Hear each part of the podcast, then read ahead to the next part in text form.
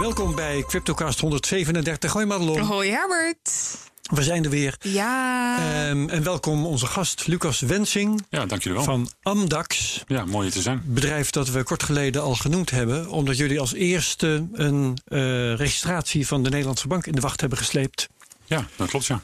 Ehm, om cryptobedrijf in Nederland te mogen zijn. Want daar komt het toch alweer op neer. Ja, geregistreerd cryptobedrijf. En Juist. Dat, eh, dat heeft inderdaad het nieuws gehaald. Het eerste geregistreerde Ja. cryptobedrijf van Nederland. Ja. Tadaa! Ik weet nog dat jij vorige week vroeg, Herbert, eh, hebben jullie dan ook qua registratienummer het nummer 1? Maar dat was niet het geval volgens mij, hè? een heel complex nummer met ook nog een Oh, eh, letter erin. En, eh, nee, nee, dat is het niet. Ik denk Gaan we dat het zo dat over hebben. ja, ja. Ja, maar goed, dat misschien een andere keer bij een volgende, weet ik veel, registratie. Ja. Ehm, even door de dingetjes heen. We geven geen beleggingsadvies.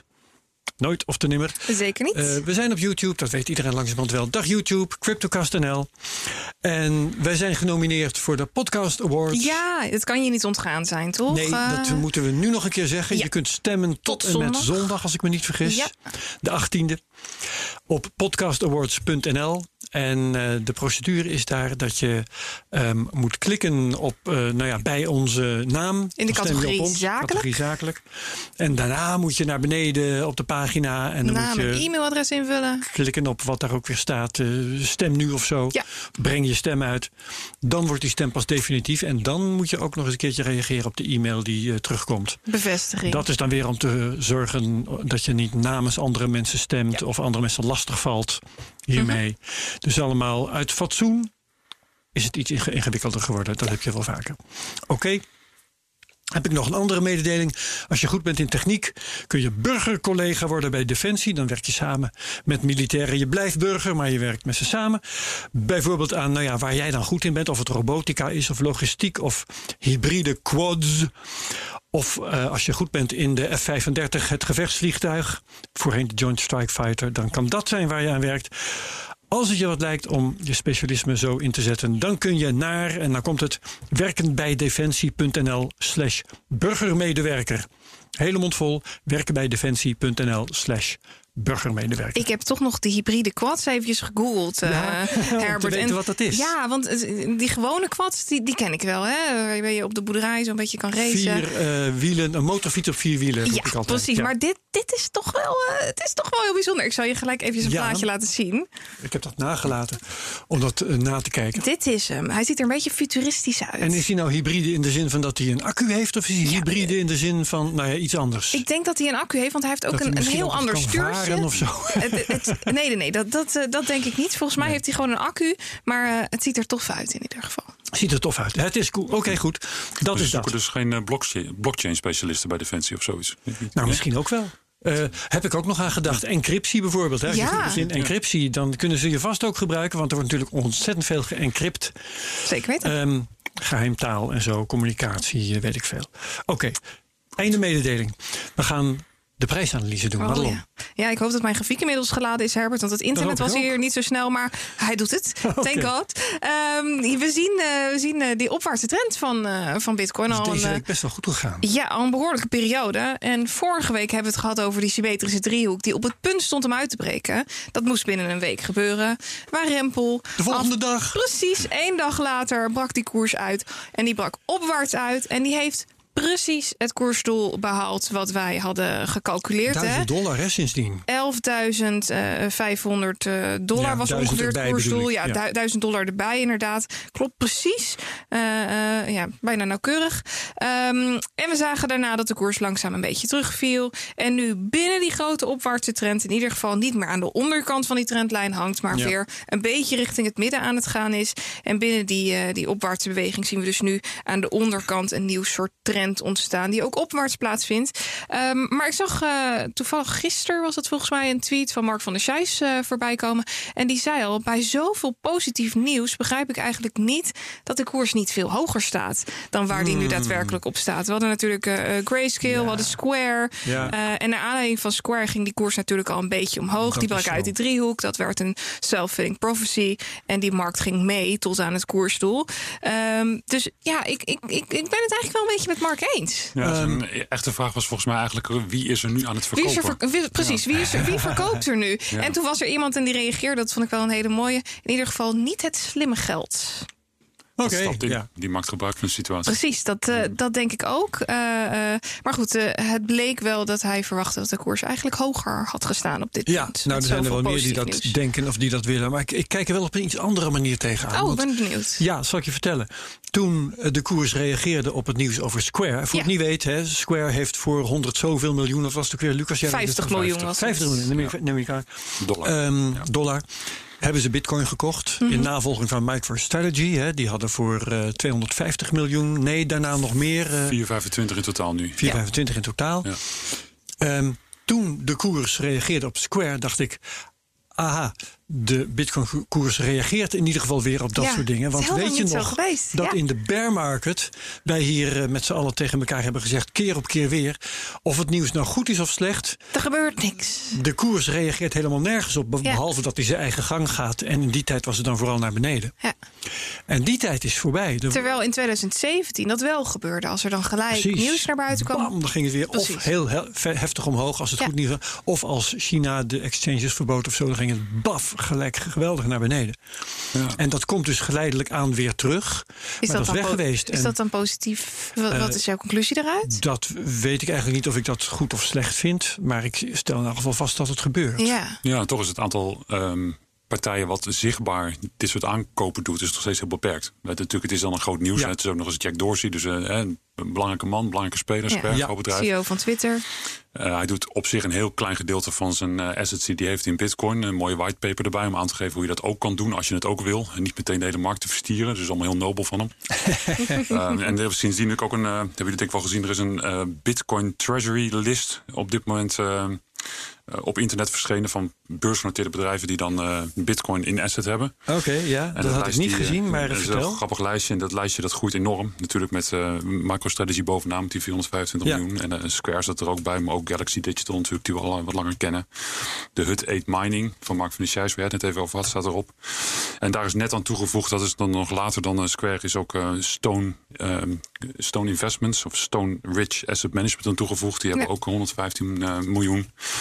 Maar in, zeker in dat soort asset management ehm vehicles zitten natuurlijk eigenlijk heel veel kleinere ondernemers of instituten of eh, bedrijven die eh, ja, een soort van stilletjes onder de radar zonder het nou publiek te melden. Ja, want een jij zei net al heel subtiel ehm, eh, bedrijven die eh, hier geld in hebben gestoken, voor zover bekend. Ik weet niet precies hoe je het verwoordde, maar er zijn dus ook gewoon bedrijven die dat onder de radar doen. Ja, en kijk, als, de assets, als het percentage van je assets eh, klein is wat je in bitcoin stopt, hoef je dat sowieso niet te melden. Kan je het vaak ook al zelf besluiten zonder dat je daar eh, eh, ja, iets nog eh, verder mee hoeft te doen. Kijk, die grote aanschaffen natuurlijk niet. Maar je Maar ziet wat nu wel dat. bijzonder is van dit lijstje... is dat die, de purchases, zoals het- ze dat hier worden genoemd... is dat het voornamelijk in 2020 plaatsvindt. Er staan er enkele tussen in 2015.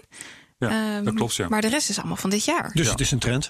Ja, het is een trend, een- misschien wel een trendbreuk daarmee ook. Ja. Dat Ja. is interessant. Eh, ja, Grayscale staat er natuurlijk ook eh, heel Ja. dominant op. Die heeft ook Ja. ontzettend veel holdings. Eh, maar dat zijn dus ook, eh, dat is niet allemaal Grayscale zelf, maar weer allemaal gewoon institutionele beleggers die via Grayscale eh blootstelling hebben Ja, aan er Bitcoin. zijn ook wel Ja. lijsten van. En wat interessant is, is dat de totale eh, som van deze bedragen nu op zo'n eh, 6,5 miljard eh, dollar staat. Maar vier jaar geleden eh, stond de hele market cap van Bitcoin op 6,5 miljard. Ja. Dus nu heb je met 6,5 miljard dollar listed companies, heb je nu ehm, ja, op zich, eh, van die 6,5 miljard ten opzichte van de 220 die Bitcoin nu uitmaakt, is het nog klein te noemen. Eh, dus zou je ook kunnen zeggen. Het nieuwtje van Square levert ook wel heel veel beweging op de koers op. Ja. Want procentueel gezien is de, de 50 impact misschien miljoen. kleiner. Maar dit zijn natuurlijk coins die ook niet zo snel meer bewegen. Het zijn, strategische aankopen. Ja, het maakt natuurlijk de, het, het, het schaarste effect groter. Dat is wel wat er gebeurt.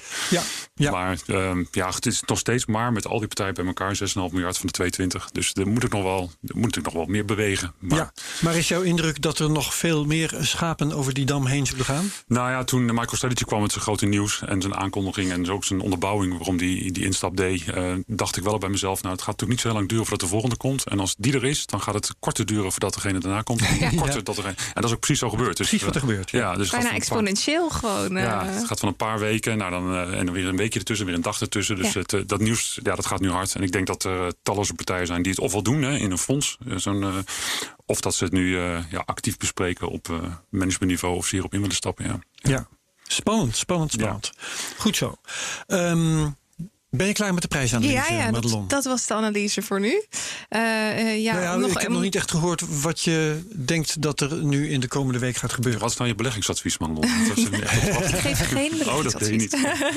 Nee, wat we nu zien is dat aan de onderkant van die, van die bandbreedte, dus van, van die trendlijn die gevormd wordt, dat de koers wel nog aan de onderkant daarvan eh, van hangt.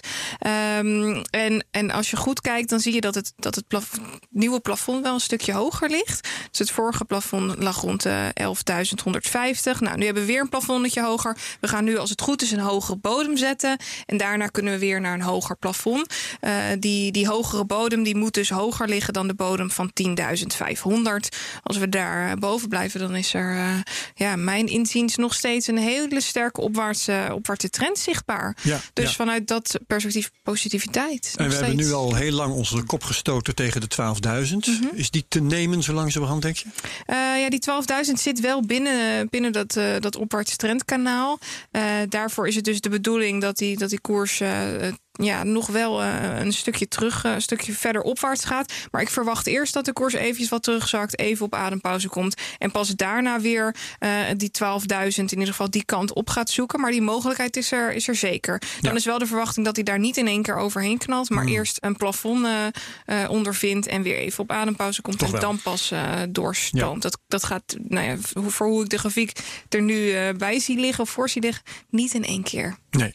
En ik hoor al een tijdje niemand meer, jou ook niet, over eh, de Futures Gap. Nee, die Ergens zit er nog steeds. Van de 9600. Ehm, is die nog in het spel of Ja. kunnen we die verder vergeten? Nee, hij zit er nog steeds. Op het moment dat we onder die, eh, die, die hele sterke supportlijn eh, vallen, die eigenlijk al vanaf eh, mei ongeveer, 10 mei, stand houdt. Als we daaronder vallen, dan kunnen we ook echt weer fors terug.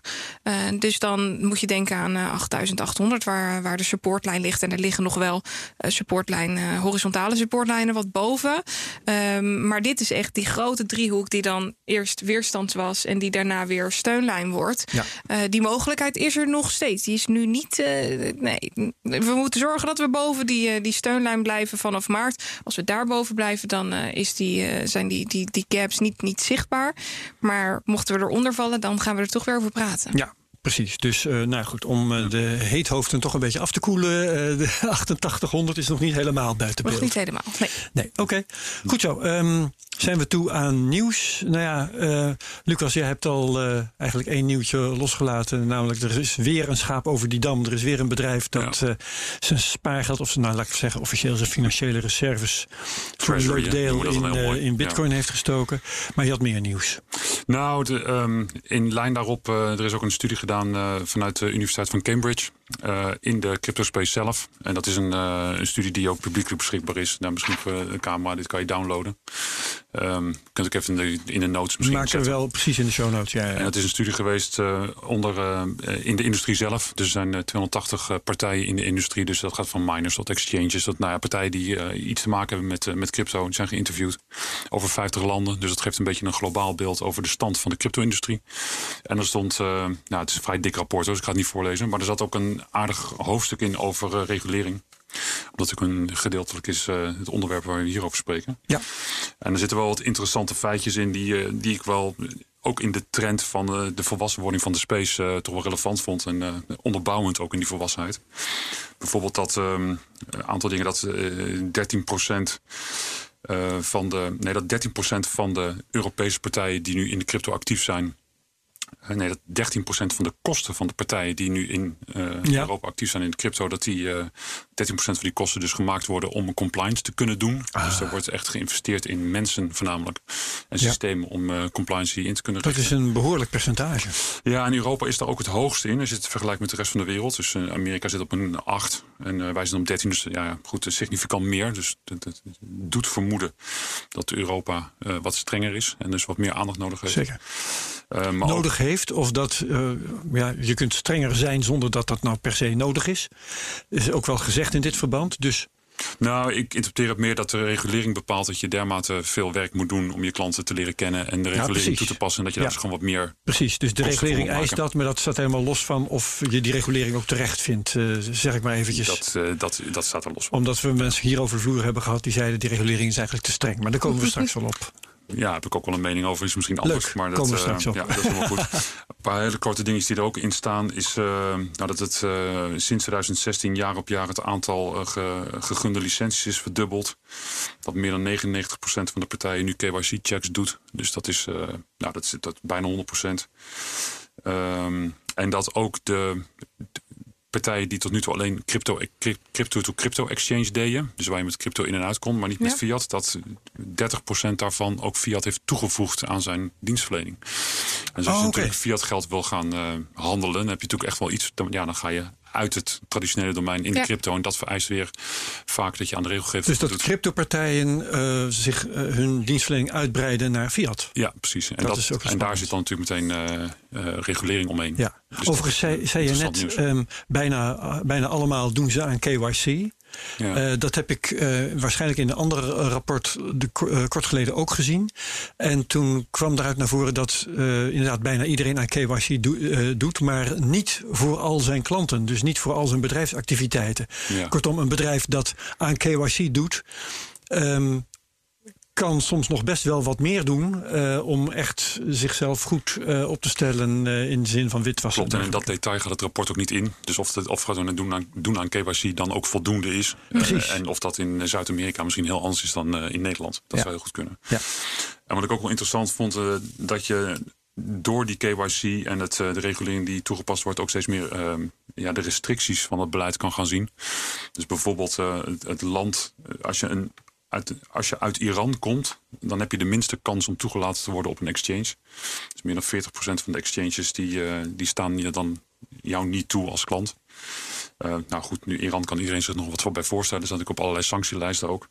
Hetzelfde geldt voor Noord-Korea, die scoort net zo hoog overigens. En Sudan scoort ook al hoog. Maar opvallend vond ik dat Amerika ook door 35% van de exchanges niet wordt toegestaan. Dus een US person, eh, met de lange arm van de Amerikaanse wetgeving, wordt door veel eh, exchanges of gereguleerde partijen op dit moment niet als een, eh, ja, als een klant gezien. Willen is in niet als Nederland- klant te hebben. Ja, dat is, dat is eigenlijk niet heel bijzonder, want in Nederland is dat ook zo. Als je een bankrekening eh, wil aanvragen en je bent US person, dan krijg je die in vele gevallen niet. Nee, dat nou, heeft ook met de sanctielijst waar Iran inderdaad op staat eh, ook mee te maken. Ja, en dat geldt natuurlijk ook voor ons. Hè, maar wij eh, accepteren op dit moment ook geen Amerikaanse staatsburgers bijvoorbeeld als klant. Doe ook Ja. bewust niet, want dan moeten we aan veel meer regelgeving Precies. voldoen dan waar we nu aan moeten voldoen. Ja. Dus het is niet zozeer dat ik Amerikaan niet mag. Maar het heeft wel te maken met het feit dat daarmee de drempel nog, hoger, wordt. Ja. En waarschijnlijk is het kostentechnisch ook eh, een behoorlijk ding. Ja, dus eh, Amerikanen doen het gewoon bij Amerikaanse partijen. En Ja. eh, nou ja, zo ga je wat meer lokaal shoppen, schat ik even in. Ja, ja, ja, ja.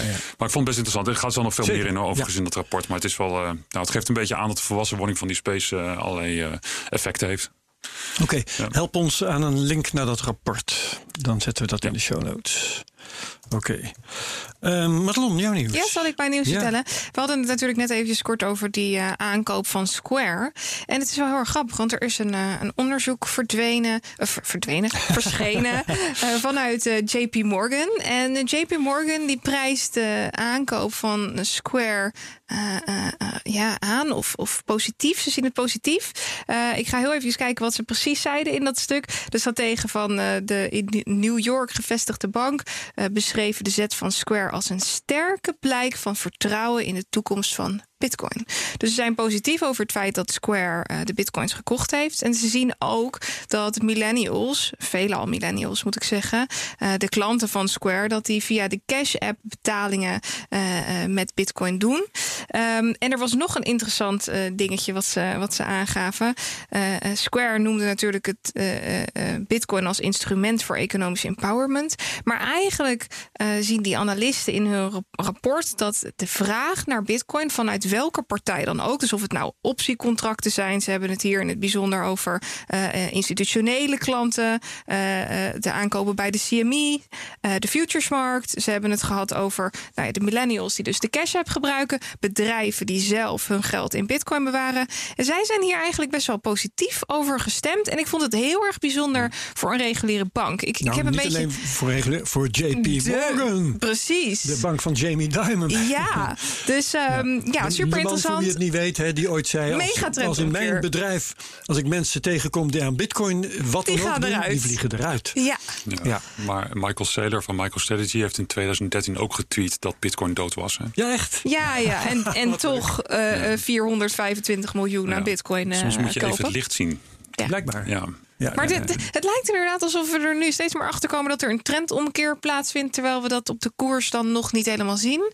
Maar dat grote bedrijven Nou ja. steeds meer richting, eh, richting Dat Bitcoin heeft aan eh het gaan Martijn. Wismeijer vorige week eh, keurig netjes uitgelegd. ook Eh, van die grote klanten die gaan naar de over-the-counter desk. Ja. En eh, kopen op zodanige manier dat je het op de exchanges niet terugziet. Mhm. Maar dat, ge- dat gebeurde altijd al. Ik weet niet in hoeverre dat, dat meer geworden is. Maar in deze cijfers zie je daadwerkelijk terug dat de afgelopen maanden er steeds meer Bitcoin-transacties plaatsgevonden hebben en er meer vraag naar is. Ja, en vroeg of later ga je dat natuurlijk op de exchanges ook zien. Ja. En ook in de Kan koers. niet anders. Hoop Ja, ik. Ja. denk er precies hetzelfde over. Het is allemaal heel eh, positief. Ja. Ja. Ja. Nou, dat Oké. was mijn nieuws. Goed zo. Nou, ik heb eh, twee dingetjes. Daar hoef ik niet al te lang bij stil te staan. Ehm, ik vond het wel leuk eh, om te merken op. ehm, ik vond het op bitcoin.com, maar dat was. eh, die verwezen weer naar een eh, rapport. Ehm, even kijken waar ik dat. Eh, nu terugvind. Een eh, mysteryarchive.com, dat was de bron. Die hebben eh, de aandacht erop gevestigd dat, we, dat de markt toch wel heel makkelijk zich neerlegt bij het feit dat er nog 444.000 bitcoins van de Silk, Silk Road zaak zoek zijn. 444.000 bitcoins. Het gaat dus om een eh, waarde op dit moment van 4,8 miljard. Is nog steeds zoek. Dat is moeite destijds- waard om even naar te gaan zoeken. Ja, precies. We moeten toch maar eventjes het bos in. En, Ja. eh, weet je wel, eh, met, met stok in de grond prikken. Nee, eh, er zijn destijds eh, 173.991 bitcoins ehm, opgehaald. Die zijn gevonden. Die met Silk Road te maken hadden. Die zijn ook geveild door de Amerikaanse overheid. Dat hebben we ook op de koers eh, op een gegeven moment wel gemerkt. Hè, dat dat aan, aan het gebeuren was. wanneer was dat, zei je Herbert? Ehm, nou, de Silk Road zaak. Die, oh, dat was die veiling dat- die voor een groot deel naar de winkelvelsbroers gegaan is, neem ik aan. Eh, nee, nee, nee, nee, het was veel later. Want eh, de Silk Road-zaak speelt in, wat was het nou, 2015 of zo? Ehm tadadada, of ik het kan... Nee, wacht eventjes. 2011 tot 2013 staat hier. Was eh, Silk Road actief? Eh, geleden. de, deze, de jaartallen die heb ik even niet paraat hoor. Dat is nou even te moeilijk. Dan zou je eh, terug in de geschiedenis moeten duiken. Nee, volgens mij hebben we die partijen aangeboden zien worden tijdens de bear market. En die leunden toen ook heel zwaar op de koersen. Mhm. Precieze data heb ik daar niet van. Dus ik moet nu geen data noemen en doen alsof dat eh, Nee. geldig is, want ik weet het gewoon niet zeker. Mhm. Maar in elk geval dus bijna 5 miljard aan bitcoin is gewoon nog zoek. Maar wat doe je dan precies met zoek? Want eh, uiteindelijk staat het ergens in een ledger. Je bedoelt nou, dat, dat, niemand mensen- weet waar het is. Want het zou natuurlijk heel goed kunnen dat dat. eh, eh, nou, het, het kan zijn dat ze eh, op Ledger staan eh, op een of andere manier. ehm, die, hoe heet die ook weer? eh, Ross Ulbricht. De man van Silk Road, hè, de, de Dread Pirate Roberts, Ja. naar wordt aangenomen. eh, dat die ze gewoon nog heeft. Ja. Maar het zou ook kunnen, eh, want er is ook wel gespeculeerd dat eh, Mark Capellis van Mount Gox gedurende enige tijd die Dread Pirate Roberts is geweest, de baas van Silk Road. Ja. En dat hij eh, dat kapitaal beheert op een of andere manier. Maar goed, Er staat trouwens een hele mooie docu op, eh, op Netflix, als ik me niet vergis, over eh, Silk Road. Dat Oh, is wel een eh, echt goede een aanrader. Ook over Ros Ul- Ulbricht ja, en Dread Pirate Roberts. Ehm, dus ik zou de luisteraars ook aanraden om die even te, te bekijken. Want dat schetst wel een heel mooi licht op, op Ja. dit verhaal. in ieder geval afhankelijk van wat je aanneemt. Kijk, als, ehm, als dat in het bezit zou zijn geweest van Ross Ulbricht op het moment dat hij gearresteerd werd, dan eh, zijn die ledgers waarschijnlijk op dit moment onbeheerd. En is dat kapitaal op dit moment onbereikbaar. Zou het eh, in het bezit zijn van Carpellis of nog iemand anders, dan kan het zijn dat die bitcoins al lang hun weg naar de markt gevonden hebben. Ja, Dat is dan ook wel redelijk plausibel hè, als die in het bezit zijn van iemand. En, eh, nou, of, ja, of je gaat hoddelen, maar in elk geval. ehm, die kunnen dan al lang beschikbaar zijn voor de maar markt. misschien een rare vraag hoor, Herbert. Maar kan je dit niet via Chainalysis achterhalen? Ehm, ik denk het niet, want als die dingen eh, sinds eh, het oprollen van Silk Road niet meer zijn aangeraakt, dan weet je ook niet wie dat in zijn bezit heeft. Maar ze stonden toch ergens in één wallet van. Ja, dat is een beetje de vraag. Als het Nee, nee, dus wallet niet. is, dan zou je hem wel qua volume kunnen vinden. Want het is natuurlijk een grote wallet dan. Ja, Maar als het Ja. natuurlijk ook nog verspreid is, dan wordt het wel lastiger. ja, ja dat is wel waar. Ja. Ja. Dus Maar ja, goed. Ros zit eh vooralsnog in de gevangenis. Ja, Ja. dat gaat nog Dus, heel lang eh, duren. Deep Web heet de documentaire trouwens. Volgens mij heeft hij Deep twee Web. jaar levenslang gekregen, als ik me Hij niet heeft vergis. twee keer levenslang gekregen, ja. Twee, ja, precies. Dat, Vrij, vrij lang in Twee ieder jaar. geval. Ja. Ja. Ik zal die docu even in de show notes zetten. Die vind ik wel. Oké, dus dat was mijn ene nieuwtje. En het andere eh, nieuwtje was ook wel aardig. Dat eh, kwam ik tegen ehm, op eh bitcoinmagazine.nl. Dat was een lijstje van de meest cryptovriendelijke landen. En geef ik jullie even te raden wie daar bovenaan zou staan. oh, ik was hem net aan het intikken. Ehm, ik denk ehm, Malta. Ik denk de Bahamas. En eh, verder weet ik het niet. Ja, ik weet niet precies wat je onder cryptovriendelijk verstaat. Maar ik neem wel aan dat landen waar op dit moment eh, de, de lokale munt onder druk staat. Dat die eh, in ieder geval het meest gebruik maken van crypto's. Mhm. Eh, kijk, all-time high in Turkije is volgens mij in augustus alweer gehaald. Dus daar is de bitcoin koers weer boven zijn vorige all-time high. Dat is niet zozeer omdat daar bitcoin nou... Maar gaat het in deze om belasting? Eh, Of? Het gaat, Nee, het gaat niet om belasting, maar omdat dus Ja. de lokale munt zoveel in waarde afneemt. Zoals in Turkije Ja, gebeurd ja, is. ja, ja, dat ja. hij daar dus ook daarmee... Nou, ik weet niet of het cryptovriendelijk is, maar in ieder geval eh, Nee, precies. populair. Ik begrijp, ik begrijp wat jij zegt. Je, je hebt het over populariteit. En cryptovriendelijk, dat wordt wel bedoeld uit fiscaal en juridisch oogpunt. En het leuke vind ik, want Malta, dat ja. denk je inderdaad vrij snel aan. Hè? Dat, dat is een heel goed voorbeeld. Maar het land dat bovenaan staat is Wit-Rusland. Wow. Grappig hè? En Duitsland als tweede. En Duitsland staat als tweede. Ehm, even kijken, Malta is duidelijk. eh, Singapore, Zwitserland is natuurlijk wel duidelijk. Omdat je daar kun je zelfs in sommige kantons kun je belasting betalen in, eh, in eh, bitcoin. Dus een interessant lijstje. Waar staat Nederland? In het Nergens. lijstje? Staat niet in het lijstje? Nou, Komt niet voor. Niet bij de bovenste de negen in elk geval. Ja. Eh, maar bij elk land staat eh, in dit lijstje vermeld waarom het land zo hoog staat in Ja. het lijstje. Dus het is grappig om even na te kijken. En je kunt altijd nog naar Wit-Rusland verhuizen als eh, dat je interessant lijkt. Ja, want bitcoin is daar dus voor individuen en bedrijven tot 2023 vrijgesteld van belasting. Ja, Maar ik En weet niet of dat lokkertje nou in verhouding staat tot eh, de politieke onrust in Wit-Rusland. Dus ik zou, toch, ik toch nog even nadenken of Dat je daar niet, eh, nou, per se naartoe ja. wil om dat argument. er is meer dan alleen cryptovriendelijkheid. En, Zeker, In zeker, Nederland zeker. heb je bepaalde vrijheden die misschien ook wel wat waard zijn. Ja. Ehm, Oké, nou ik denk dat we verder kunnen met het gesprek met eh, Lucas. En dan geef ik even het woord aan jou, Madelon. Ja, ik ben eh, allereerst even benieuwd hoe jij voor het eerst met bitcoin in aanraking gekomen bent. De vraag die we aan iedereen Meestal, voorleggen ja. hier. ja, het is wel een, een tijdje geleden natuurlijk al, want eh, ik heb niet het exacte moment eh, voor ogen. Maar ik ben, eh, ja, ja, ik ben niet eh, al, al heel lang actief in de crypto. Ik heb hiervoor eh, ik heb een ja, ondernemersachtergrond en IT-achtergrond. Ehm, dus ik heb eh, bij een grote IT-corporate gewerkt en ik ben eh, in 2007 voor mezelf begonnen. Vanuit die corporate en eh, een eigen bedrijf gestart. En dat heb ik eh, bijna 12 jaar gehad. En uiteindelijk verkocht aan KPN. Dus dat is in 2018 is dat afgerond. En in die eindfase daarvan ja, kom je natuurlijk een beetje in aanraking met geld. Hè? Wat, eh, wat geld nou eigenlijk, eh, als je het hebt, wat is het nou eigenlijk? Ja. En eh, hoe, hoe werkt dat systeem? En hoe meer ik richting het eind van die van de afronding van mijn vorige werk zeg maar, ging, heb ik ook even pauze genomen. Eh, gemerkt dat eh, pauze nemen, daar ik daar nog iets te jong voor was. En eh, ja, mijn interesse in die crypto's was toen al enorm gewekt. En ja, toen ben je, dan ga je eerst maar eens voorzichtig instappen. En instappen betekent voor mij dan dat je gaat inlezen. Dat je gaat, ja, de boeken gaat lezen die, er, die erbij horen. En de whitepapers die je op internet kan vinden. En nou ja, de, de klassieke rabbit hole doorgaat. Totdat je tot de conclusie komt dat als eerste het huidige systeem nogal wat manco's kent. En dat ja, ja, crypto en specifiek bitcoin nogal wat antwoorden geeft eh, eh, op die fouten die in het huidige stelsel tegenkomt.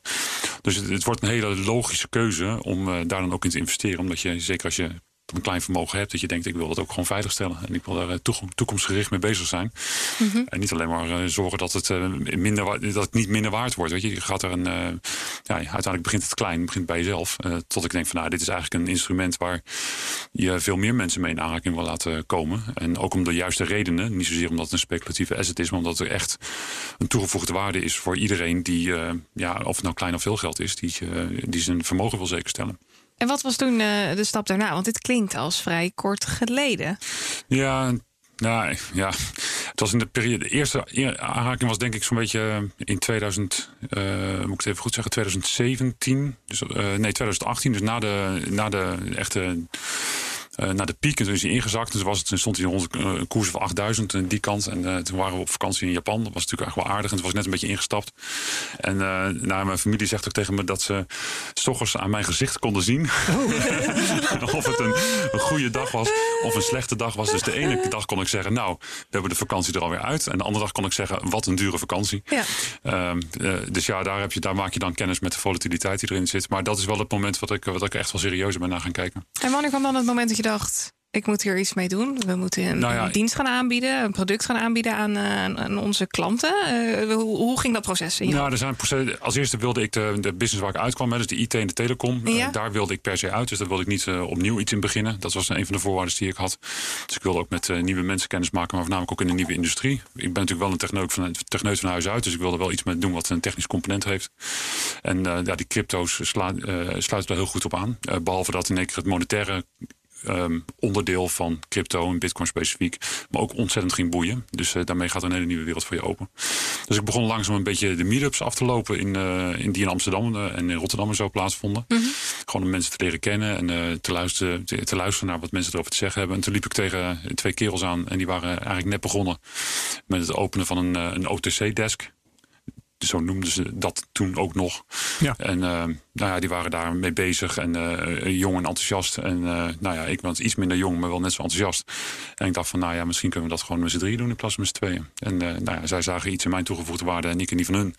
En was het eigenlijk vrij snel beklonken dat we dit met z'n drieën tot succes wilden brengen. Dus we hebben elkaar gewoon gevonden. Tof. En um, ja. even terug nog naar uh, het stukje dat jullie, jullie hebben elkaar gevonden, zeg je. Uh, wat was het dan wat jou zo triggerde dat jij dacht hier moet, hier moet ik iets mee. Ik moet iets gaan, gaan aanbieden wat er op dit moment nog niet is. Dat, dat was toen de OTC-des. Dat is later veranderd, als ik het goed begrijp? Of? Nou ja, OTC klinkt heel technisch. Ja. En daarmee denk ik dat we daarmee niet, zomaar de, de, de, de plank mee misslaan. Want mm -hmm. mensen zijn helemaal niet op zoek naar techniek. zijn op zoek naar een, uh, naar een manier om een, een, vermogen veilig te stellen. Of om het te doen groeien. Want die twee elementen heeft natuurlijk allebei. Mm -hmm. Maar voornamelijk, het is voor mij toch wel echt begonnen met het feit dat ik vond dat ik uh, ja, niet tevreden was over hoe het geldstelsel op dit moment werkt. En hoe het toch door een klein aantal partijen um, bepaald wordt. Um, ja. Hoe de inflatie eruit ziet. Bijvoorbeeld dat er überhaupt inflatie is, dat concept er is. Um, wie bepaalt of er, uh, ja, waar geld naartoe gaat en hoe het, hoe, hoe het werkt. Uh, al die elementen met al zijn diepgang. Ja, daar, ik, vond, ik vind het belangrijk dat iedereen zich realiseert dat er ook uh, alternatieven zijn. Uh, dus het is gewoon vooral begonnen dat ik denk, uh, wat ik geleerd heb, dat wil ik ook heel graag overdragen aan anderen. Mm -hmm. En uh, nou, dan is het logisch als je dat in bedrijfsmatige ja. vorm ook aanbiedt. En wat je uit je verhaal tot nu toe blijkt voor mij, je, zou ik vragen, wat, wat is Amdax voor bedrijf? Maar jullie zijn in feite een gespecialiseerde OTC-desk. Klopt dat ongeveer? Ja, dat klopt wel. We zijn geen uh, exchange met eigen orderboeken als je het uh, vanuit de techniek uh, zo bekijkt. Ja. maar wij, wij kopen in bij liquidity providers. Dus wij zijn inderdaad iemand die over de counter transacties faciliteert. Ja. Um, dus daarmee belast je inderdaad de orderboeken niet. Dat maakt het inderdaad geschikt voor, voor grotere transacties. Ja. Um, en wij, wij kopen dus dan ook in bij die partijen die op dat moment de beste koers aanbieden. Je kan ja, smart order routing toepassen en zorgen dat je altijd voor je klant de beste inkoopprijs kan aanbieden. Ja, een beetje naar het verhaal wat Martijn bij ons vertelde vorige week, hè, Marlon? Maar dan zonder die exchange eromheen, blijkbaar. Ja, ja, ja. Je, je, je, we kopen ja, een beetje zoals je de wholesale inkoop kent, uh, kan je dat ook doen voor, uh, voor crypto. Ja, ja precies. Eigenlijk dat, uh, dat, dat effect is het. Ja. En kunnen we dan stellen dat jullie daadwerkelijk een, een fonds zijn? Of is dat net een Nee, een fonds is echt totaal iets anders. Het wordt vaak in één hoop genoemd. Ook AFM en DNB wordt vaak in één zin gebruikt. Maar die hebben ook echt, dat, zijn andere, dat zijn andere instituten, ook andere concepten. Nee, een fonds in principe, als je gewoon een bitcoin fonds neemt, dan ga je daar met euro of dollar in. Mm -hmm. En dan krijg je blootstelling aan de onderliggende crypto die in dat fonds voor, uh, voorhanden zijn. Ja. En uh, als er dan koerswinst is, dan kan je er weer uit en dan krijg je euro of dollar terug. Maar de onderliggende asset is nooit van jou. Dat is een belangrijk verschil. En dat geldt eigenlijk voor alle fondsen. Je bent dus je bent wel blootgesteld aan de asset, maar de asset is niet van jou. Dat is, heel, dat is ook vanuit de historie heel zinvol hoor. Want als je natuurlijk eh, eh, blootstelling wil hebben aan de vastgoedmarkt, ja, dan is het heel handig als je daar voor een paar duizend euro in de vastgoedmarkt kan, zonder dat je meteen een appartement in Amsterdam Zuid hoeft te kopen. Eh, want dat, dat maakt het natuurlijk heel onhandig om te Ja. investeren in een bepaalde sector. Dus een fonds is een soort van eh, afgeleid model om te zorgen dat je wel blootstelling hebt zonder dat je alle lasten hebt of de, de complexiteit van de markt hoeft te doorgronden. Ja. Dat zie je ook met goud natuurlijk heel veel. En met, eh, nou, met allerlei andere financiële producten is een fonds heel gebruikelijk. Ja. Ja. Dus Maar eh, wat, je zegt, is- is, zo- voor, voor mij als, als consument is dat eigenlijk wel nieuw. Dat Als je bij wijze van spreken Robecootjes eh, koopt, dan eh, eh, zit je dus in bepaalde aandelen. Maar eh, die aandelen zelf, die zijn niet van jou. Eh, je bent er al- alleen aan blootgesteld, Dat zoals aan- jij dat ja, uitdrukt, aan de ja. kuren van die aandelen. Of die nou omhoog of omlaag gaan. Ja, precies. Je, hebt Ja. ook, je hoeft ook niet zelf die aandelen te kopen. hè. Dat doet het fonds dan voor je. Dus dat is ook En je fijn. kunt 0,135 aandelen kopen van eh, Precies. een of andere. Ja. Ja, en dat is bijvoorbeeld bij goud ook heel gebruikelijk. Want goudstaaf opsturen is er algemeen ook vrij lastig. En dan moet je hem ook zelf bewaren. En Dus er zijn, voor heel veel markten is een fonds een heel goed idee. Ja. Alleen voor eh, puur als je crypto wil hebben, als je bitcoin wil hebben, eh, vind ik een fonds eigenlijk niet zo zinvol. Als eerste Ja. betaal je daar natuurlijk geld voor. En de, een fonds is, zin- is denk ik zinvol op het moment het eh, settlement, dus het daadwerkelijk verkrijgen van het product versus de transactie, als dat heel ver uit elkaar ligt. Dus als jij goud koopt en het duurt drie weken voordat je het thuis hebt, dan heb je een groot verschil tussen de koop en de settlement. Ja. Maar bij Bitcoin is de koop en de settlement is, is instantaneously. Dat is eigenlijk hetzelfde. Hè? Want op het moment dat jij de transactie doet, dan is het ook meteen voor jou. En heb je de- dat, is, dat zit aan elkaar verbonden. Ja. En dat Ja, maakt ze- Bitcoin ook zo mooi. Dus Bitcoin kopen via een fonds, denk ik, doe dat niet. Je betaalt alleen maar voor. Je hebt, niet, je hebt de asset niet. En je moet er met euro in, dan gaat er met euro uit. Terwijl je natuurlijk gewoon beter het, het product zelf kan aanschaffen. Maar jij Dan- zegt nu dus een, een fonds, die, die, die, daar, daar, daar stap je in. Eh, dus je hoeft dan zelf niet, stel dat je in een bitcoin fonds zou stappen, hoef je zelf niet de bitcoins te bewaren. Eh, hoe, hoe gaat het bij jullie? Moet een klant dat zelf bewaren? Nou ja, bewaren is natuurlijk altijd een onderdeel van eh, de complexiteit van Bitcoin. Dat, Ja. is natuurlijk, dat kan een goede reden zijn om wel in een fonds te gaan hè. Precies, ja. Dat, eh, dat kan. Ehm, alleen je ziet nu, en dat was zeker vroeger denk ik complex, want dan Mhm. kwam je toch niet veel verder dan dat je het zelf maar je cryptosleuteltjes moest gaan opslaan. Nou ja, ondertussen heb je natuurlijk gewoon eh, volwaardige eh, kluizen en vaults en custodian oplossingen Mhm. om je crypto op te slaan. Dus wij, wij hebben dan ook nu vanuit de DNB de regulering over twee diensten die we mogen aanbieden. Ja. En de ene dienst is dat we de exchange functie mogen voeren. Dus wij mogen mensen die met euro instappen de transactie laten doen naar bitcoin toe of naar andere crypto's. Eh, en terug. Dus je, het, je kan, we kunnen van fiat naar crypto en crypto naar fiat. Mhm. Dat, is het, dat is het ene deel van de licentie. En de andere, ik zeg licentie, zeg ik verkeerd, registratie. En het andere gedeelte van de registratie is dat wij ook de custodian functie of de bewaarfunctie mogen uitoefenen. Dus wij mogen crypto's voor klanten opslaan. Oké, Dus niet verplicht bij ons. Als mensen dat niet willen, dan mogen ze het ook zelf doen. Maar we zien mensen, ja, ik denk dat je in je vooronderzoek gezien hebt dat wij ons richten op de markt vanaf klanten vanaf 2,5 2,5 bitcoin. bitcoin. Ja, dat zijn op zich bedragen waar mensen ja, zich niet heel lekker bij voelen om dat thuis dan maar de, de sleuteltjes eh, te bewaren. Ja. Dus eh, ja, de klanten die we nu hebben, die kiezen voor beide diensten. Dus zowel de wisseling als het opslaan van, eh, van die crypto bij ons. Ja. En hoe gaat dat? Stel, stel er komt een klant bij jullie. Hoe, hoe ziet dat proces er dan uit? Nou, voor mij is het ideale proces dat we die klant eerst leren kennen. Dat we goed begrijpen wat zijn wensen zijn en wat zijn uh, beweegredenen zijn om in, uh, in crypto of in bitcoin te stappen.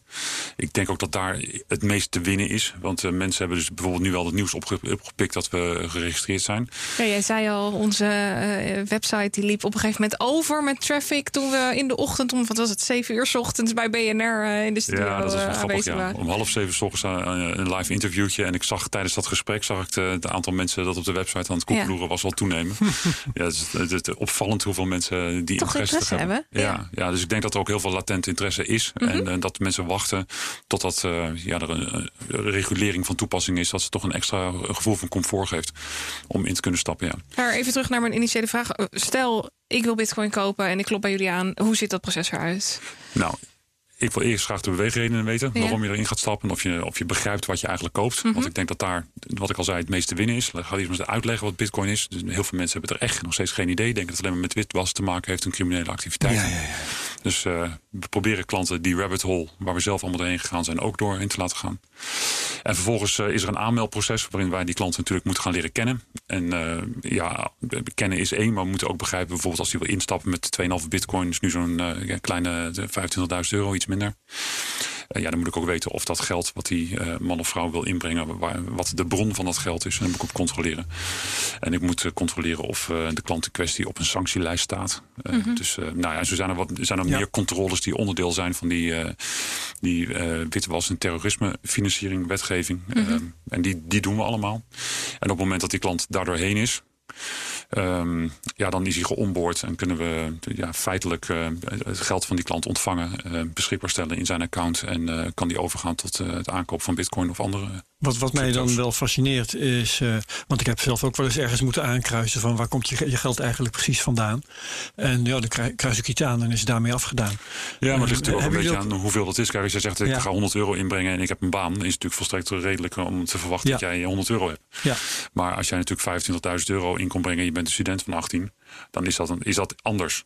Ja. Dus ehm, het is heel afhankelijk van de situatie, ook welk onderzoek daarbij hoort. Maar in principe moet ik eh, van die 25.000 euro die je wil inbrengen, moet ik begrijpen waar het vandaan komt en dat moet ik ook Ja. aantonen.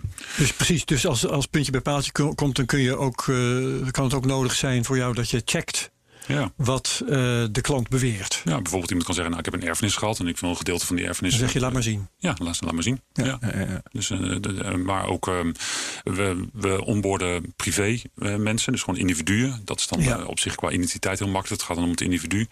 Maar we onboorden ook bedrijven. Eh denk Ja. aan holdings, bijvoorbeeld mensen die een eigen, eigen zaak hebben, een holding erbij en die willen dan eh, vanuit die holding eh, crypto kopen.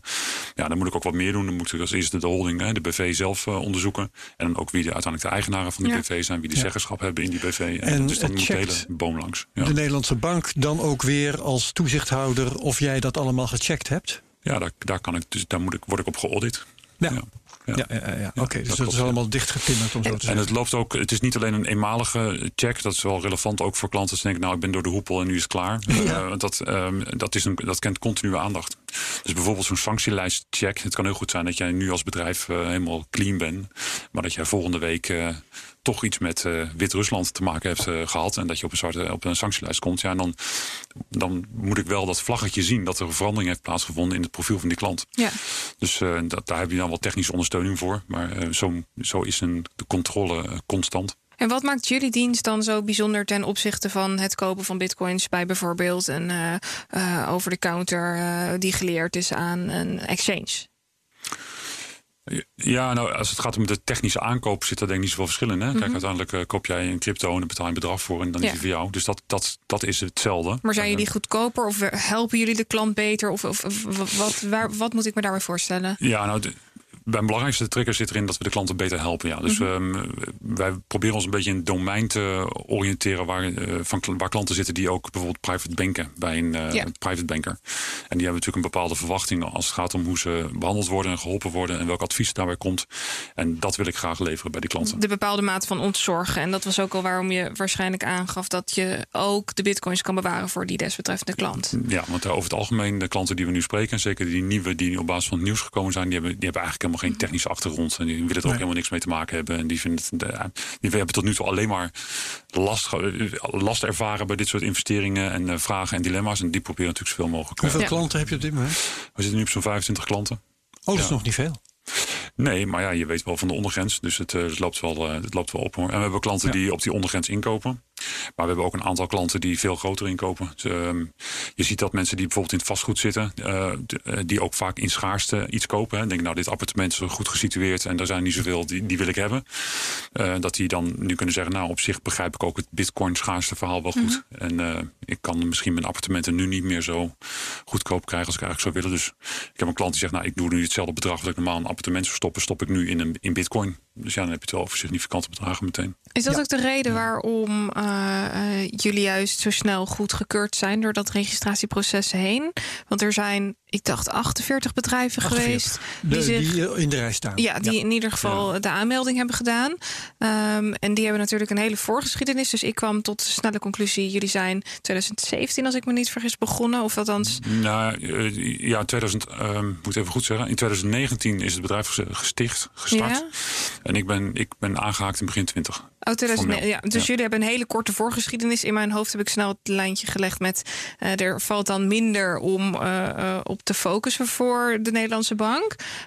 Klopt dat, dat het proces daarom zo snel verloopt? Nou, het scheelt natuurlijk dat we geen historie hebben. Ja. Dat is waar. Ehm, eh, maar ik denk onze uitgangspunt is ook een beetje anders geweest. We hebben natuurlijk gezien dat in Europa die AML D5-wetgeving uh, goedgekeurd ging Mhm. worden. En daarmee zagen wij dat uh,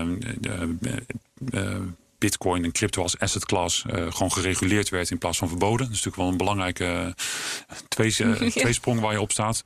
En um, dus de, die goedkeuring is voor ons de reden geweest om te zeggen van nou nu is het een goed moment om dan ook die diensten aan te gaan bieden. Heeft het toch nog wel even geduurd voordat ook de AML D5 Directive uh, aanwijzing eigenlijk ook omgezet is in de Nederlandse wetgeving. Mm -hmm. Dus 21 mei jongsleden dan ook uh, doorgevoerd. En sindsdien uh, kan je de aanvraag ook bij de Nederlandse bank kwijt. Ja, ja. de Nederlandse bank heeft dan zes maanden de tijd om controle te doen op de stukken. En te bepalen of de partij wel of niet tot registratie over kan gaan. Het... En wij, hebben dus, wij zijn wel begonnen met um, de regulering in onze achterzak. Mm -hmm. als, als uitgangspunt. En dat maakt dat je heel clean begint aan je nieuwe set aan uh, beleidstukken. En het opzetten van je organisatie. En ook die mensen en die rollen toekent. Ja. Die ook horen bij zo'n. Dus je hebt je bedrijf, om zo te zeggen, registratievriendelijk kunnen inrichten. Meteen dat, al. Ja, dat, de, de, basis, de basis is geweest van de inrichting is gewoon de basis van hoe de registratie dat verwacht. Ja, dat ja. is handig. En uh, heb je verder ook nog een mening over uh, die uh, registraties? of over de regulering zoals die nu is. Uh, we hebben hier heel veel kritische geluiden in de CryptoCast daarover laten horen. Um, vind jij het te streng of vind je het precies goed? Of vind je dat het misschien nog wel strenger zou mogen? Wat, wat, wat, wat nou ja, wat vind ik daarvan? Kijk, het, dit is wel streng. Uh, en de, ik weet ook dat de Raad van State daar natuurlijk van iets over gezegd heeft. En uiteindelijk is die ja. uh, aanwijzing niet, uh, niet meegenomen. En ja. nou, Simon Lelyveld heb ik ook gevolgd. En die heeft ook uitgebreid gesproken. Ik denk dat op zich de punten van kritiek die erin genoemd worden, die snijden wel houdt. Mm -hmm. um, maar ik vind het ook niet constructief om daar dan uh, ja, alleen maar ruzie over te gaan zitten maken, zeg maar even simpel te zeggen. Ik vind dat we gewoon moeten beginnen met een, uh, met een basisset aan regels waarmee we de markt op kunnen. En uh, iets wat binnen de kaders van de wetgeving nu ook gewoon goed werkt. ik denk dat ze dat ook wel geproefd hebben bij onze aanvraag. Um, en van daar moeten we maar eens even gaan kijken of, die, of dit allemaal goed past. Kijk, het is natuurlijk ook voor een Nederlandse bank nieuw. Uh, en op zich de regulering van fiat geld is natuurlijk volstrekt uh, uitgekoud. Daar weten we alles van. Maar in die cryptomarkt is er ook nog heel veel...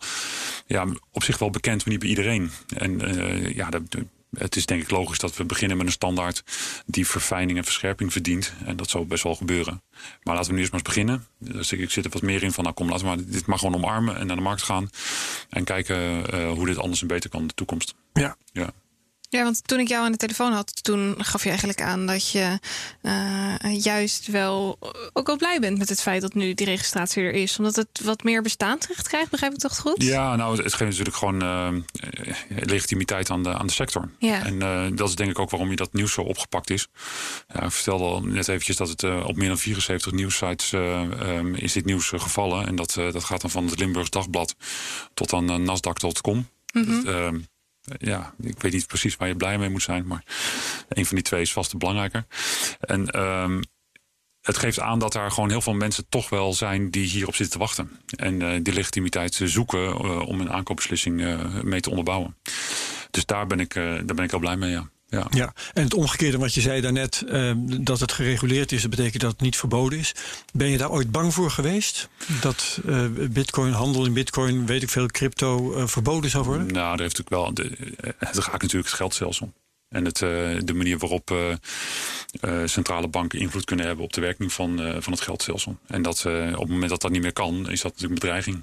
Dus als heel veel mensen ja. overstappen naar een nieuw systeem, omdat ze het huidige systeem niet meer vertellen. Kijk, geld werkt op, omdat er vertrouwen in het geld is. En als het vertrouwen um, afneemt, en dat, dat zou je kunnen zien, dat mensen naar crypto's grijpen, uh, ja, dan is dat natuurlijk een gevaar voor de bestaande, bestaande instituten. Dus uh, ja, ik heb daar wel mijn gedachten over gehad. Dat had gekund, ja. Heb je die ja. gedachten nog steeds? Nou ja, zoals het er nu uitziet, niet. Nee, en sterker nog, de centrale banken zijn natuurlijk zelf ook uh, vergaand bezig met uh, hun eigen digitale vorm van euro en dollar. Uh, de central banks digital currencies. Dus nee, eigenlijk uh, is er gewoon navolging op basis van deze innovaties. Ja, ja nee, dat klopt wel. Ik, ik moet ineens denken aan dat rapport wat ik naar jou stuurde van de week, Herbert. Ja, de digitale euro. Van de ECB, Digital Euro stond daar. Ja, moeten we het ook zeker in een toekomstige CryptoCast uitgebreid over hebben. Ja, ja. Een, een, een van de dingen die ik daaruit haalde, om, om daar even op aan te haken, is dat er mogelijk een limiet komt over de hoeveelheid digitaal geld die iemand kan aanhouden. Dat schreef het rapport. Ja, heb ik ook gelezen. Uh, ja, dat, dat was, gaat dan over digitale fiat, hè? Dat ging over digitaal geld in zijn algemeenheid. Oh. Dus we hebben het hier over het feit dat digitale munten, in welke vorm dan ook, de financiële stabiliteit in gevaar zouden kunnen brengen. En uh, er werd hier dus geschreven over dat er een, het, een veilig alternatief is voor, voor cash, maar dat het naast cash zou moeten blijven en dat er daardoor een limiet zou kunnen worden ingesteld ja. voor alle vormen van digitaal oh, ik heb dat geld. opgevat als een limiet aan hoeveel van je geld je uh, in een digitale euro zou mogen steken. Mm -hmm. dus, dus in je rekening bij de centrale bank. Ja. Laten we ervan uitgaan dat dat het is. Ja. Ja, maar dan dat- nog is dat natuurlijk twijfelachtig waarom dat zo is. Dat, uh, je stelt daar vragen bij, neem ik aan. Ja, nou, ehm, de, als ik het uh, verhaal goed begrepen heb, en dat is hier ook al wel een paar keer uh, uiteengezet. Um, is het een bedreiging voor uh, de stabiliteit, omdat uh, als die rekening bij de centrale bank er is en iedereen zou meteen al zijn geld daarop Ja. kieperen, dan zouden de commerciële banken van de ene dag op de andere met lege handen staan. Ja, dat is, dat is het volgens inderdaad. mij het verhaal. Ja, en het, het, het stukje zorgen, zorgen omtrent bankruns. Uh, dat je dus zo digitaal je geld in één keer zou in weg kan feite een halen. bankrun zijn. Precies, een, een digitale bankrun is Ja. dat dan. Um, dat daarom een limiet ingesteld zou kunnen worden. Maar je zou er dus ook voor kiezen om al je, kunnen kiezen om al je geld over te zetten naar crypto. Ik- Ja, ik, ik noem maar een Ja, zijstraat. dat kan nu al. Oh ja, dat kan dus- nu inderdaad. Ja, Sommige dat, mensen dat doen kan. dat trouwens. Ja. Ehm, Maar, uh, maar ja, het, het blijft een. Uh, ik, ik vond het een interessant ding in het rapport. Dus ik kan me indenken dat je daar nog steeds over nadenkt en daar wel uh, constant mee bezig bent. Ja, nou, ik heb wel het gevoel dat de, de, de richting is gekozen voor regulering. Um, dus Ja. daar ga ik even voor Mhm. uit. Ik, heb, ik, ik, krijg ook echt nergens uh, signalen vandaan dat dat, uh, dat dat anders is. Ook zie het ook niet in andere delen van de wereld. En Mhm. het, het is eigenlijk ook geen zinvolle exercitie om uh, die kant op te gaan. Want Nee. je moet het echt met z'n allen overal op de hele wereld tegelijkertijd gaan verbieden. En dan nog kan je het niet verbieden. Want mensen kunnen dat natuurlijk gewoon zelfstandig nog steeds blijven gebruiken of Ja. voeren. Dus Ja. het is eigenlijk ook een onhaalbare, een beetje Nee, maar theoretische goed, je, discussie. je kunt het, uh, je kan het wel even- lastig maken. Even bezien vanuit de, uh, het perspectief van de regulerende autoriteiten of politici Mhm. of, of bankiers, noem, maar een groep. Um, je kunt het wel zo moeilijk mogelijk maken en met elke stap waarmee je het moeilijker maakt, verklein je in feite de markt voor crypto. Dat is, dat, dat is wel wat, wat uh, zulke partijen zouden kunnen willen. Ja. Even daar gelaten of het gebeurt. Maar uh, kijk, uh, in China is het nog steeds zo dat normale exchanges daar niet kunnen werken. En daar, daar lukt het ze wel met, met um, local bitcoins en dat soort sites. Maar de markt voor crypto is daarmee wel wat kleiner geworden. En dat is duurzaam zo. En dat scheelt toch uh, 1,1 miljard, of wat is het, 1,3 miljard mensen intussen. Ja. Die uh, frictieloos aan die markt kunnen deelnemen. Ja, nou is de Chinese markt ook niet zo heel transparant. Dus uh, Ah, nee. versus dus wat er gezegd wordt en hoe het gaat en of Eh, mensen echt actief zijn, uh, weet Ja. ik, durf ik niet zo te zeggen. Mhm. Uh, ik weet wel dat er heel veel miners in China actief zijn. Dus, Dat is uh, waar. dus, uh, en niet een beetje, maar echt heel veel. Dus uh, Ja. het zal wel ergens een beetje midden liggen hoe dat precies zit met China. Ja. Is, ook mijn, is mijn doelgroep ook niet uh, specifiek. Nee? Nee, maar um, ja, goed, het, het klopt. Regulering zal op lokaal gebied, misschien per land of per regio, uh, kunnen verschillen. En uh, lastig maken kan een manier zijn om mensen uh, te ontmoedigen. Ja. maar goed, je ziet dus dat er Nederland gekozen is voor niet lastiger maken, maar eerder gewoon omkaderen en zeggen: zo willen we het doen. En zo kan het ook gewoon netjes gebeuren. Ja. Ja, en voor ons zijn, is het de meeste klanten die we hebben, die willen gewoon die blootstelling aan die crypto hebben. Ja. Uh, verwachten, daar, verwachten daar natuurlijk wel iets van. Dat moet tot groei leiden. Ik merk wel dat de mensen die nu instappen helemaal niet super bullish zijn. Ze zeggen, nou, uh, ik verwacht dat het in een paar jaar echt een paar honderd procent gaat of zo. Die zeggen dan, nou ja, als het uh, een 10 procent doet in twee jaar, zou ik het hartstikke mooi vinden. Dat, dat is bescheiden. Dat is heel bescheiden. Ja. ja, dat is heel ja. bescheiden. En dat, dat komt dat mensen natuurlijk toch echt opgevoed zijn met, uh, ja, met andere beleggingsstrategieën. Ja. En uh, dat we ze over hebben genomen. Dus we moeten ook gewoon nog heel erg wennen aan deze nieuwe, uh, nieuwe asset class. Ja. Mm -hmm. Maar dat, is, dat is prettig als je klanten hebt met een dergelijk bescheiden verwachtingspatroon. Ja, maar goed, ja, goed aan de andere Ja, dat klopt. Dat ja. Helpt. Dat is ook zo. Ja. Zijn Ehm, er trouwens nog, nog andere obstakels waar jullie momenteel tegenaan lopen? Eh, los van het feit dat het mogelijk verboden zou kunnen worden. Of eh, de registratie, wat natuurlijk best een ding was. Nou ja, die ik heb, een obstakel kan zijn natuurlijk de registratie gaat veranderen in de toekomst. Ja. Eh, want we staan natuurlijk nu niet, en dat is toch wel een formeel dingetje, we staan niet onder prudentieel toezicht. Mhm. Dus hoe wij onze zaken inrichten, wordt nou geen toezicht op gehouden. maar Alleen dat we onze witwas, eh, anti-witwas en terrorismefinancierings eh, onderdeel goed inrichten. Mhm. Iets breder dan dat, maar daar komt het hoogst in hoofdzakelijk op neer. Ehm, het kan heel goed zijn dat cryptobedrijven natuurlijk in de toekomst ook gewoon een bepaalde hoeveelheid balansreserve moeten aanhouden en eh, een bepaalde solvabiliteit moeten laten zien. En dat, daar wordt nu niet op gecontroleerd. Dus dat kan eh, voor de space aan zich eh, weer extra beperkend werken. Ehm, dus dat, dat kan gebeuren. Ehm, nou ja, goed, ik heb mezelf natuurlijk gericht op die bovenkant van de markt. Dat kan een strategische fout zijn. Dat eh, weet ik natuurlijk nog niet. Dat moeten we nog even zien. Want ik weet wel dat eh, ja, van die 48 aanvragen waar wij dan een van zijn, de andere Nederlandse partijen die ik zo'n beetje in het vizier heb, zich heel erg op de onderkant van de markt eh, positioneren. ja, ja, ja. En dus ehm, eh, ja, misschien En de onderkant van de markt, daarmee bedoel je dan de retailbelegger? retailbelegger. Ja. Ja. het is gewoon kleinere bedragen. En Ja. ja. ja, echt consumenten, waar wij natuurlijk ook bedrijven doen. Waar zit, waar zit jullie businessmodel hem eigenlijk in? Ja, wij verdienen dus aan het, de exchange-functie, het kunnen Ja. omzetten. En wij verdienen aan de opslag, dus de bewaarfunctie. Ah, oké. Dus eh, als ik dat vertaal, een percentage van een transactie en een bedrag per tijdseenheid. Ja, dat zeg je helemaal goed, ja.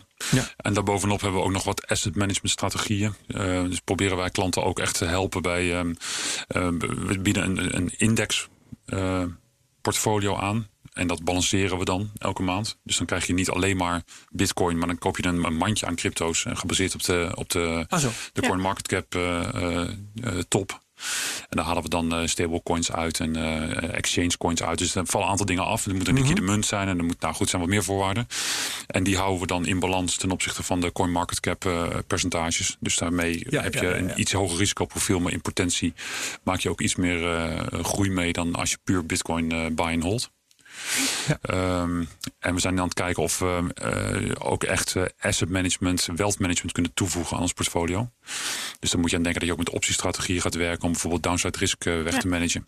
Want dat was ook weer een, een ding waar onder andere JP Morgan van zei: dit wordt weer populair of wordt populairder, de optiestrategie op, op de Ja. Bitcoin-markt. Ja, dat is, en dat is ook wel terecht. Kijk, zeker als het volatiel is, dan heb je toch altijd mensen die zeggen: Nou, ik wil, eh, stel je voor, je koopt in op 10.000 en ik ben een beetje volatiliteit bereid eh, te pakken. Dus nou, maar als je onder de 8.000 komt, ja, dan wil ik toch wel dat er, een, eh, ja, dat er iets gebeurt. Ja. Ja. en dan zou je vanaf dat niveau met een optiestrategie kunnen zorgen dat alles wat die onder die 8000 zakt zich vertaalt in het uitkeren van de optie. Waardoor je nou, bijvoorbeeld daarmee dan ook weer nieuwe bitcoin kan aankopen Ja. op het lage prijsniveau.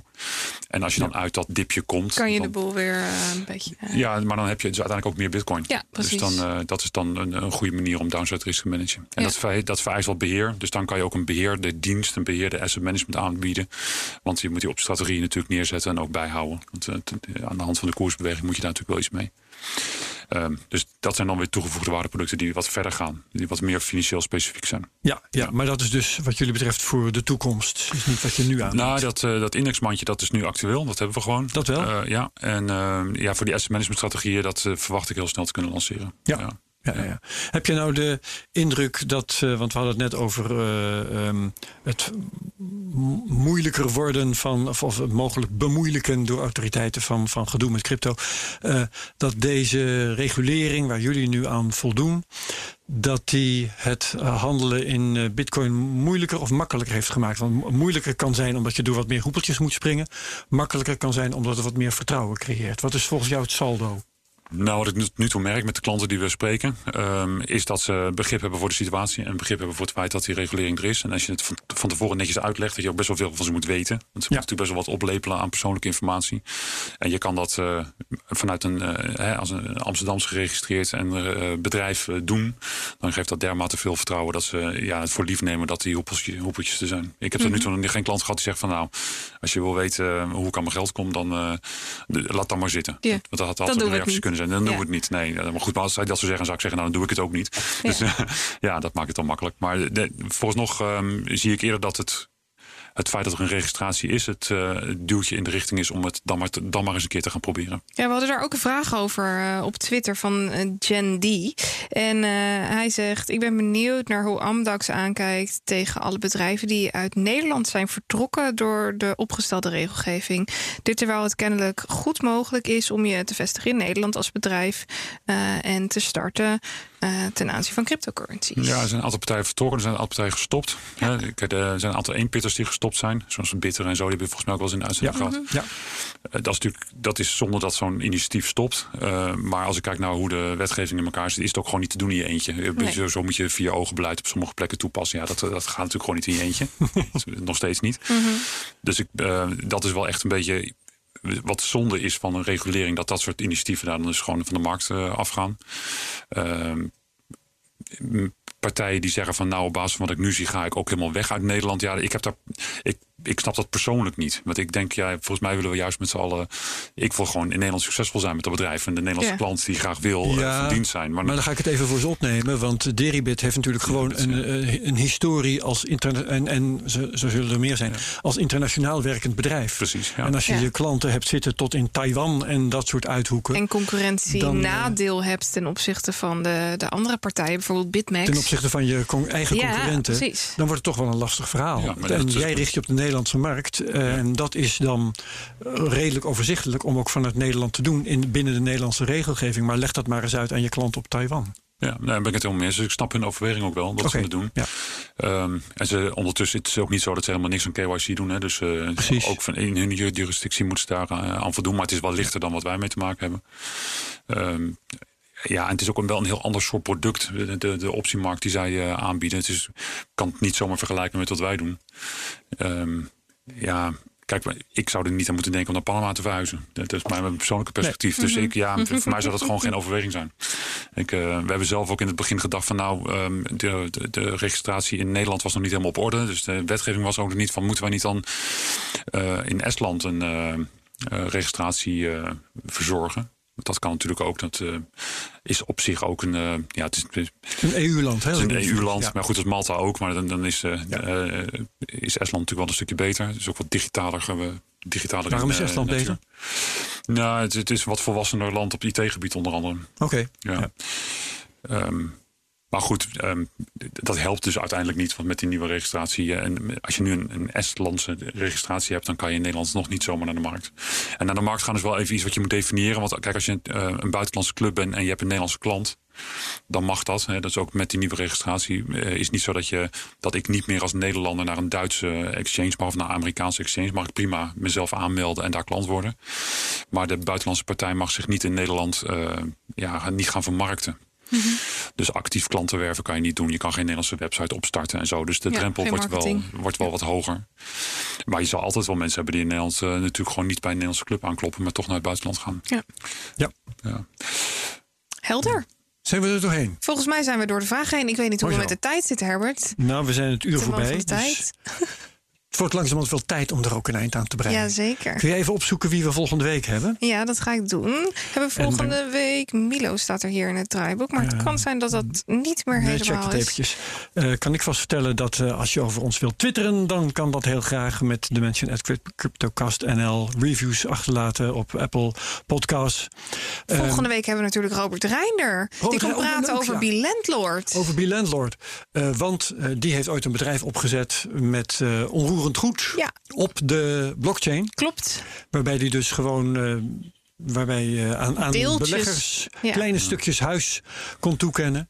En uh, dat bestaat nog steeds, maar, maar er zijn dat, wel wat haken en ja. ogen. Dus het wordt een heel interessant verhaal. Mede door die de... registratieplicht. Volgens mij was het vanuit het AFM in deze uh, waar ja, ze tegenaan die liepen. maakt uh, allerlei dingen ingewikkeld. Ja. waarmee, waarmee we niet direct iets kwaads willen zeggen. Maar dat had heel veel haken en ogen. Ja. Heel interessant verhaal over de voor- en nadelen van onroerend goed voor het publiek op de blockchain. Zeker. Ja, Goed, dus ik had Twitter genoemd, Apple Podcast, YouTube natuurlijk. Like, like subscribe en comment. Ik verslik me daar altijd weer. Enfin, jullie weten het. Um, en leuk. vergeet natuurlijk niet om, uh, om te stemmen op uh, de Stem Podcast op Awards. Op Categorie Dutch, zakelijk. Niet Dutch, voor de Dutch Podcast Awards, maar op podcastawards.nl. Yes. Ik dank Lucas Wensing. Nou, Van- merci. Ik van vond het leuk om Dax. hier te zijn. Merci. Herbert, bedankt. jij bedankt. Ik bedankt. En heel Kijkers graag bedankt. kijkers bedankt. Luisteraars bedankt. Tot de volgende keer bij de Cryptocast. Dag. Dag allemaal. Doei.